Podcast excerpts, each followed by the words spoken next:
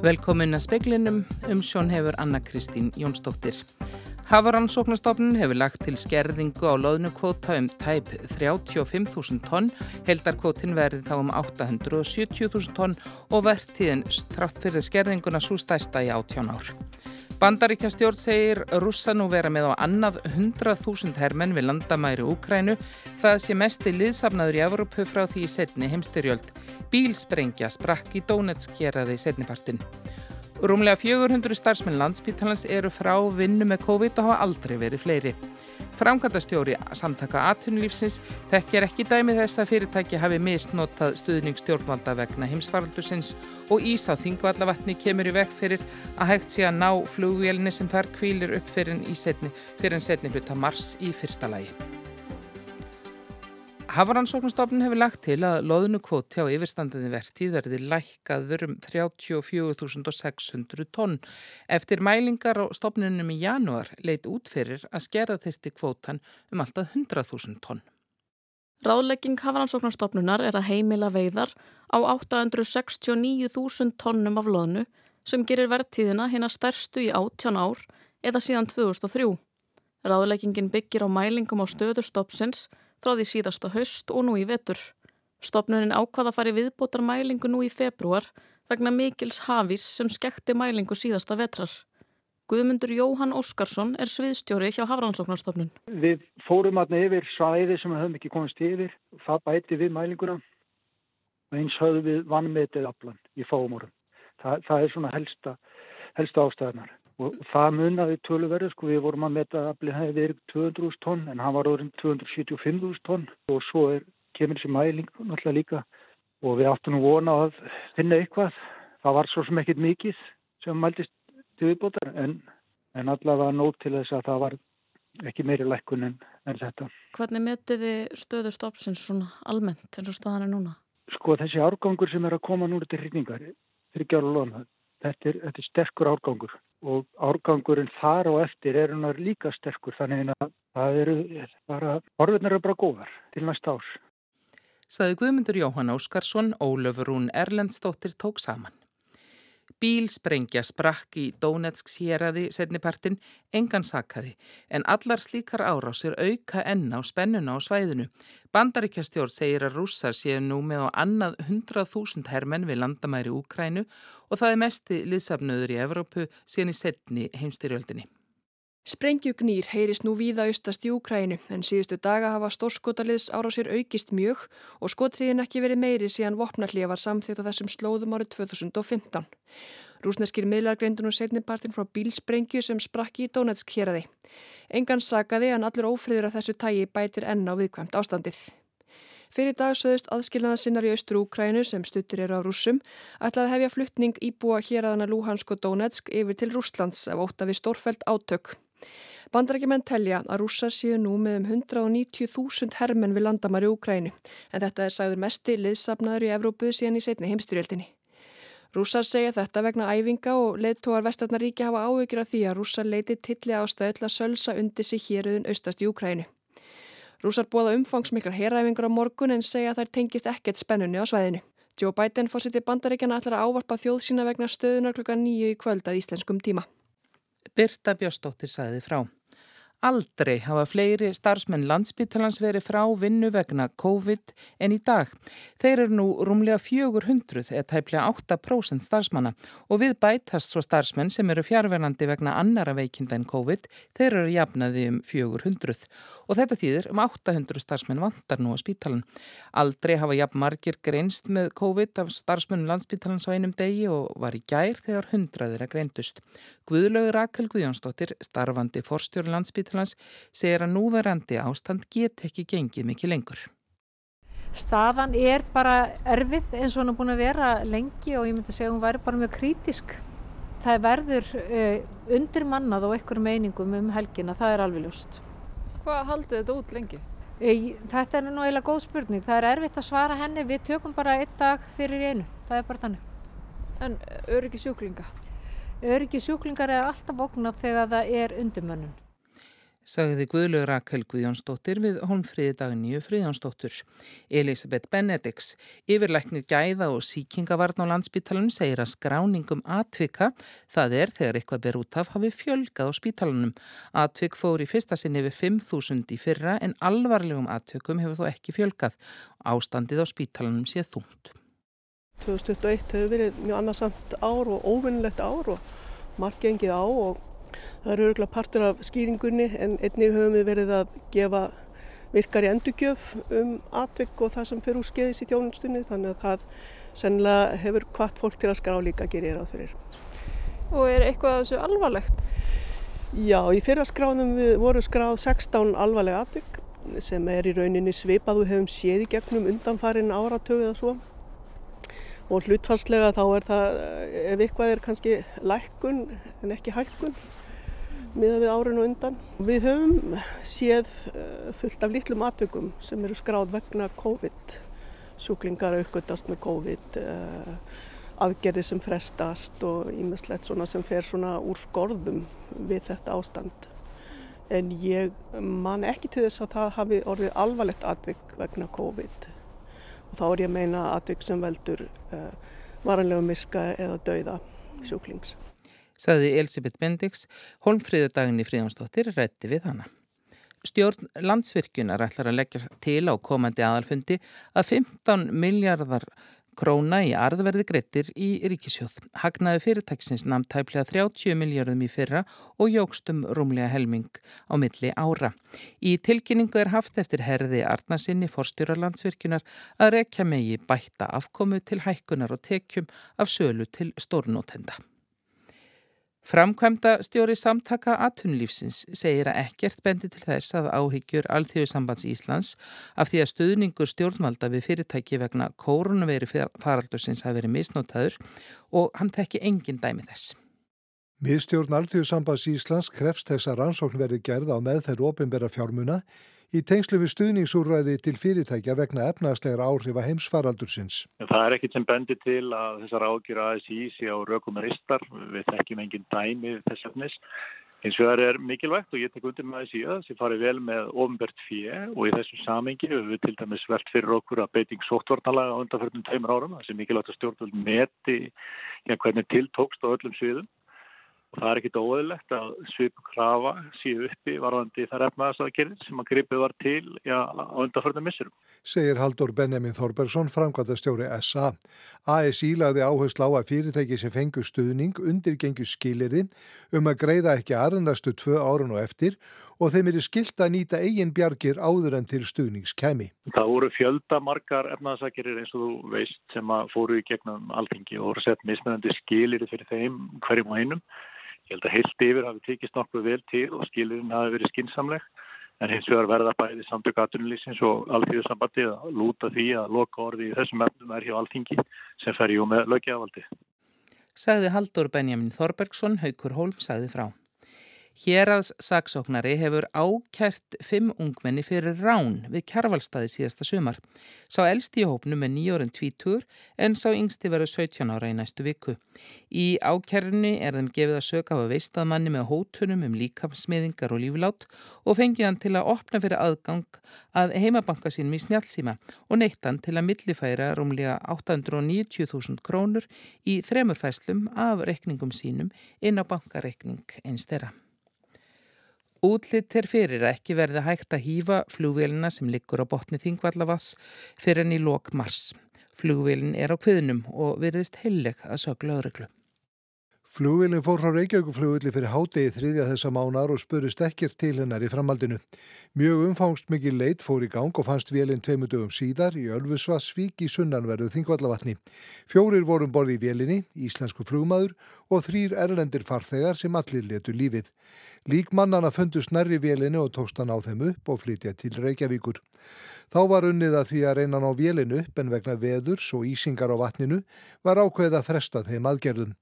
Ottur Árnason, yfirlauruglu þjóttn hjá lauruglun á Suðurlandi, segir að fundað hafi verið um stöðuna, ætlunin sé að lifta vélinni á minna dýpi og síðan hífan á land, en ljós sé að ekkert verði hægt að aðhafast á næstunni þar sem vatnið sé ísi lagt. Það er eins og verið alveg ljóst að þetta gerist ekki á næstu dögum eða vikum. Við eigum samantekt frá Sigur Jóni Rist sem að þar sem að við erum að tala um jáfnvel hundrað og eitthvað daga í, í sem að vatnið er lokað af ís þannig að, að nú verðum við bara að sjá og, og tökum möppuna niður úr hyll og förum að vinna eftir henni þegar að aðstæðar vatnum skapast til þess.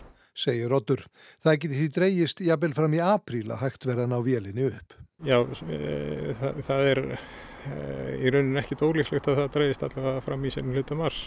Ottur segir að unni hafi verið náið með rannsóknum nefn samgönguslýsa alveg frá því að leitað vélinni hófst og búast megi við að á sjöttatug manna komi að því að ná vélinni sem virðist heilleg upp. Vélinn er sem sagt bara á hjólunum á, eða semst ákveðinum í, í, í leirnum á botni vassins og virðist nokkuð heilleg. Sagði Ottur Átnason, Haukur Hólm sagði frá. Það sem áður þótti sjálfsögð ofinberð þjónusta er að hverfa úr dreifðum byggðum. Þetta gerist á Íslandi og þetta gerist líka hjá frendum okkar í Noregi.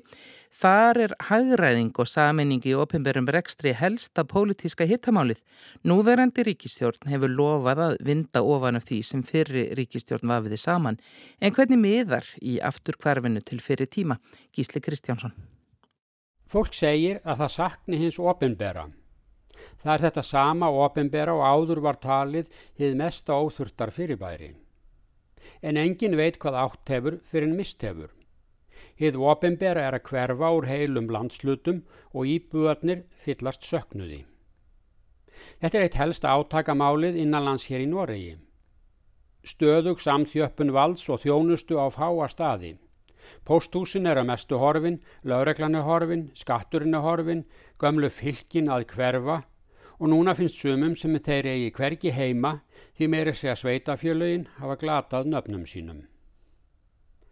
Ef nefna á eitt einstakt mál sem leiti til falls ríkistjórnar Ernu Solberg í norsku þingkostningunum á liðinu hausti, þá var það þessi mikla hagræðing í ofinbjörnum rekstri og fall og eins ofinbjörra. Ríkistjórn Ernu lagði út í einföldun og stjórnkerfi og stjórnsýslu umdæmum til að spara peninga og til að auka skilvirkni eins og það heitir jafnan. Fylgjum var fækkað úr 1911, hér að stómstólum úr 60-23 og þar fram eftir göttunum. Hafist var handa við að fækka sjúgrásum og hafa þau stærri, fækka flugvöllum innanlands, byggja upp færri en stærri mentastofnanir. All leiðir þetta til betri þjónustu fyrir minni pening. Hagraðingin orkaði vissulega tvímælist þá hún kom til framkvæmda. Breytingar af þessu tægi leiða til samþjöppunar valds á færri stöðum í landinu þótt en fylgi ekki endilega meiri miðstýring. Afköstun aukast með stærri einingum, lítil sjúgráus fá ekki hægt starfsfólk, stór sjúgráus eru örugari fyrir sjúklingana. Holt er talið fyrir dómar að veri hæfilegri fjarlægð frá verkefnum sínum, réttlæti skiðjan er blind og gott að engin kunnungskapur sem millir dómar á heimamanna. Umbósmaður barna hér fullir þér að í barnavendarmálum bæti fjarlægðin til dómstóla réttaröryggið. 23 hérastómstólar eru betri en 60 fyrir börnin. En öll svona hægræðing kostar störf og í mörgum dreifðum byggðum finnur fólk að ríkisvaldið, hið opimbera, er horfið. Miðstöðar stjórnsýslu eru færri en áður en þeir staðir sem fá að hýsa helstu stopnannir græða og vaksa. Þá er stutt í hrepparík. Nokkri staðir í landinu verða fyrir valinu sem miðstöðvar, aðrir missa spón úr sínum aski og það eru störfin í ofinberi þjónustu. Þetta feldir ríkistjórn Erna Solberg, kjósendur sem vildu halda í gamalli skipan reyndust fleiri en þeim sem vildu breytingar. Ný ríkistjórn var mynduð undir fórustu Jónasakar Störi ásamt miðfloknum sem harðast hefur barist gegn hagraðingunni. Nýri stjórn fylgdu loford um að vinda ofan af þessari hagraðingu og samslætti stopnana í tíð fyrir ríkistjórnar. Spurningin er hvað á að ganga langt í að leysa upp það sem sett var saman fyrir fáum árum. Setja þjóðarvagnin í bakkir eins og það heitir núna. Núna tekist á um það verkefni. Allt skal endurreist sem áður var felt. Og þá taka renna tvær grímur bæði á stjórnmólamenn og kjósendur sem þó vildu vinda ofan af allri hagraðingunni. Það er dýrt að leysa upp stopnani sem búið er að samena. Dýrt að leysa upp fylki sem sett voru saman undir eina stjórn. Ungverðis Óslo var eitt fylki búið til úr þremur en það kostar miljard að endurreysa gamlu fylkin og reka þau hvert í sínu lægi. Hið aldagamla fylki Finnmörk er núna bara útibú frá Tromsö. Heiðmörk er ekki lengur til og engin á lengur heima á upplöndum eða östfold og svo má lengi telja. Héröðun eru horfin í sameiningu og hagraðingu. Og svo líður líka tíminn. Breytingar festast í sessi og reynast vel í bókaldinu. Eftir því sem árin líða er erfiðar að snúa tilbaka. Núna er talað um að endurreisa gömlu fylkin árið 2024. Þá eru liðin fimm ár frá sammenningunni. Er þegar á hólmin er komin meiri hlut á þingi og utan fyrir að snúa aftur til fyrri hátta. Samt er farið að efna til atkvæðagreisna um að leysa upp það sem fyrri ríkistjórnin setti saman. Endurreisa þær stopnanir eins og opimbera sem áður voru splæstar saman. Verkamannaflokkurinn, flokkur fórsættisráþura, er orðin mjög á báðum áttum í þessum akstri í bakkýrnum. En fólki sem finnst að eigi hvergi heima lengur af því að gömlu heiti hér að hann eru horfin, fagnar því að komast nú senn heim á ný.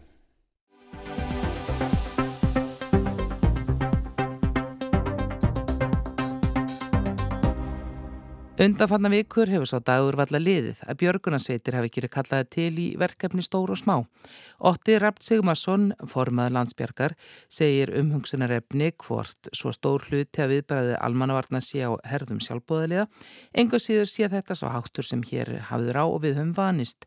Otti, sem er úr Grindavík, segir að öllum þeim verkefnum sem hann hefur tekist á við í störfum sínu fyrir björgunarsveitirnar hafi eldgósi í geldingadölum kannski verið erfiðast, því það var svo langvind. En það er óhætt að segja að erillin hefur sjaldan verið meiri hjá björgunarsveitunum en nú frá áramótum hafa útköllin verið á þriðja hundrað, 13 til 1400 manns hafa tekið þáttiðum og þau hafa verið alls konar. Já, heldur betur. Það er bara, það er öll flóran sko, allt frá bara hafinu og upp á, upp á jökla sko og allt sem getur gest þar á milli.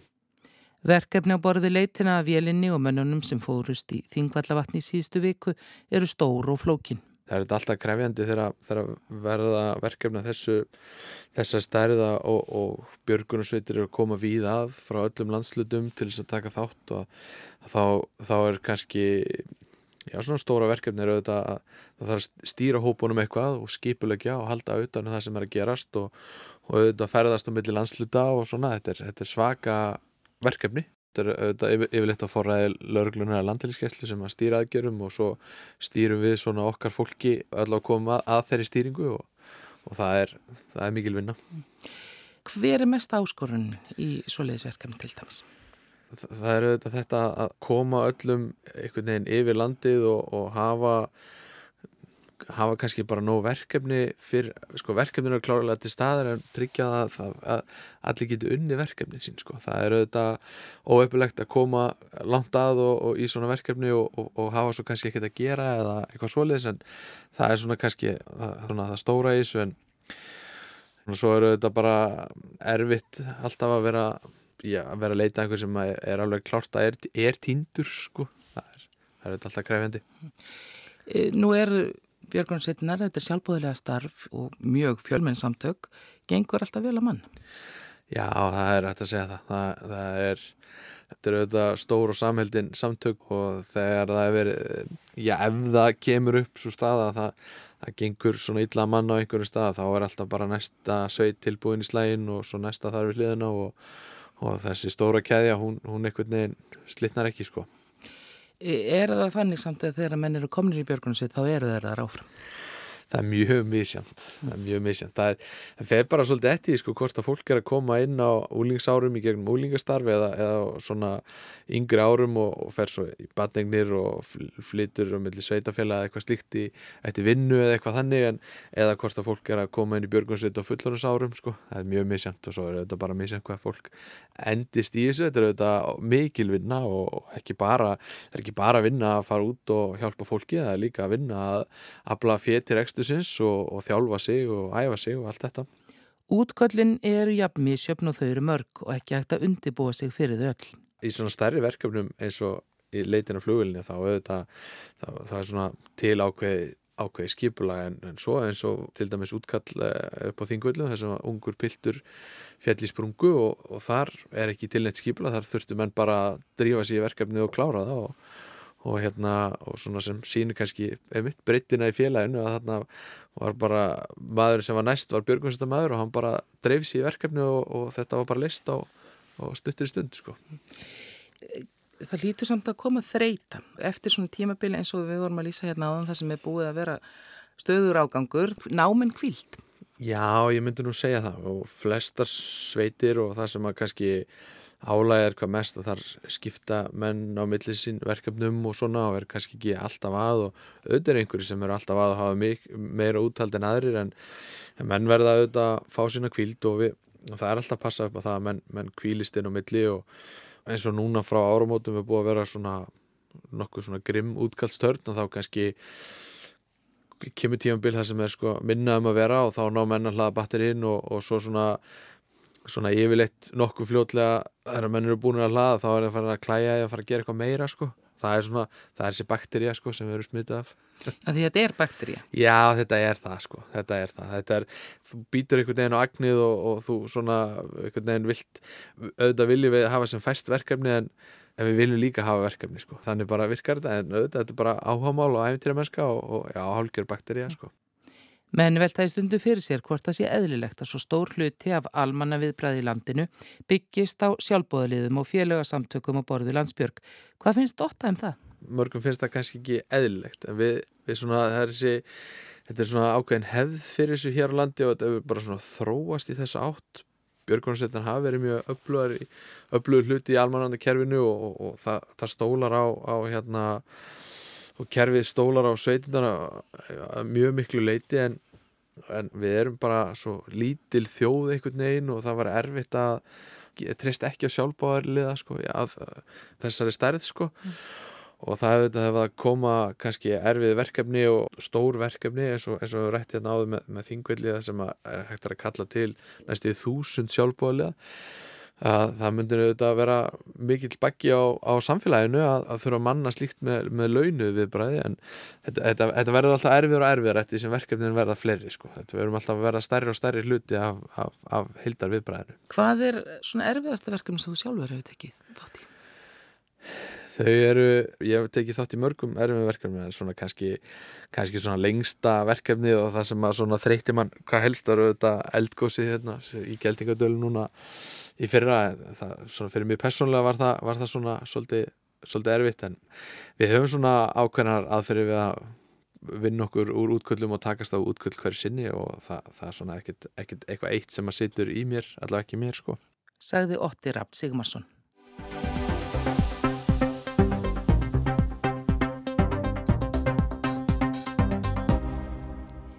Sænska fjarskiptafyrirtæki Eriksson er enn á nýji Olgu sjó vegna spillingar.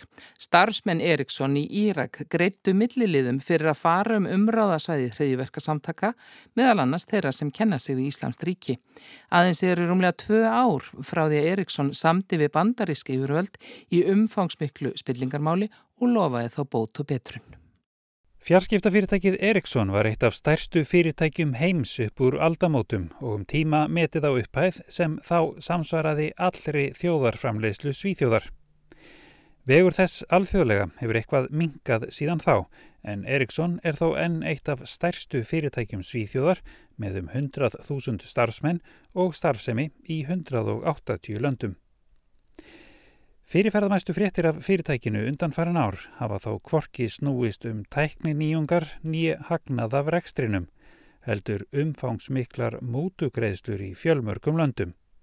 Og svo virðist sem árangur fyrirtækisins á alþjóðlegum vettvangi hafi að einhverju leiti fengist með ólöglegum aðferðum. Rannsóknarbladamenn Sænska ríkisútvarsins greindu fyrst frá því árið 2007 að Eriksson hafi haft sérstakann leini sjóð sem notaður var til að greiða mútur til að tryggja fyrirtækinu viðskiptasamninga. Fyrirtamennir uppbylýstu um greiðslur til stjórnarmanns í fjarskiptafyrirtæki í Tyrklandi og ráð þeirra fjarskiptamála í Óman og síðar var greint frá greiðslum til meðal annars Þingmanna í Allsýr til sonar varaforsetta Sýrlands og ráðamanna í Gríklandi, Kína, Vietnam, Djibouti, Indonésiu, Sáti Arabíu og Kuwait. Rannsókn þessara mála var umfangsmikil og nær til áruna 2000 til 2016. Haustið 2019, fyrir tveimur og halvu ári, var svo tilkynntum samkómulag Erikssons við bandaríska dómsmálaráðanætið og fjármáleftilitið sem höfðu sótað fyrirtækinu. Dómsmálaráðanætið og fjármálaeftilitið bandaríska hafa ákveðina lögsögu yfir fyrirtækjum sem eru með einhverja starfsemi í bandaríkjunum þegar kemur að spillingamálum Erlendis. Eriksson setti til liðarjapvirðu um 180 miljardar íslenskara króna til að greiða sektir og annan kostnað og lofaði bót og betrun. Þetta er sorglegur kapli í annars merkri sögu fyrirtækisins, sagði forstjóri Erikssons Börje Ekholm eftir samkominnlægið í september 2019. And I feel personally very upset to find the company in this position And I can promise you that the leadership team, including my, of myself, we're doing everything to ensure that this can never happen again. Og Ekholm lofaði að forsvarsmenn Erikssons, hann sjálfur þeirra meðal, myndu gera allt til að tryggja að ekkert slíkt gerist aftur. En nú hefur þetta gerst aftur. Lofurðin sem veitt voru fyrir um tveimur og hálfu ári hafa sem sagt ekki haldið Kanski ekki skrítið því að á sveipuðum tíma og þau voru veitt var fyrirtækið einmitt að taka saman skýrslu um nýtt og alvarlegt spillingarmál. Skýrslan fjallar um starfsemi Erikssons í Írak á árunum 2011 til 19. Fréttaskýringaþáttur Sænska Ríkisjónarpsins, uppdrag granskning og alþjóðasamtök rannsóknarblæðamanna í CIJ hafa undanfarið verið að rannsaka starfsemi Erikssons í Írak og spurt forsvarsmenn fyrirtækisins ímissa spurninga en engin sör fengið. Í stað þess að svara fréttamennunum byrti Eriksson yfirlýsingu eftir lokun markaða á þriðudag. Í yfirlýsingunni segir að innanbúðar rannsókn hjá fyrirtækinu hafi leitt í ljós alvarleg brota á reglum og siðferðisviðmiðum.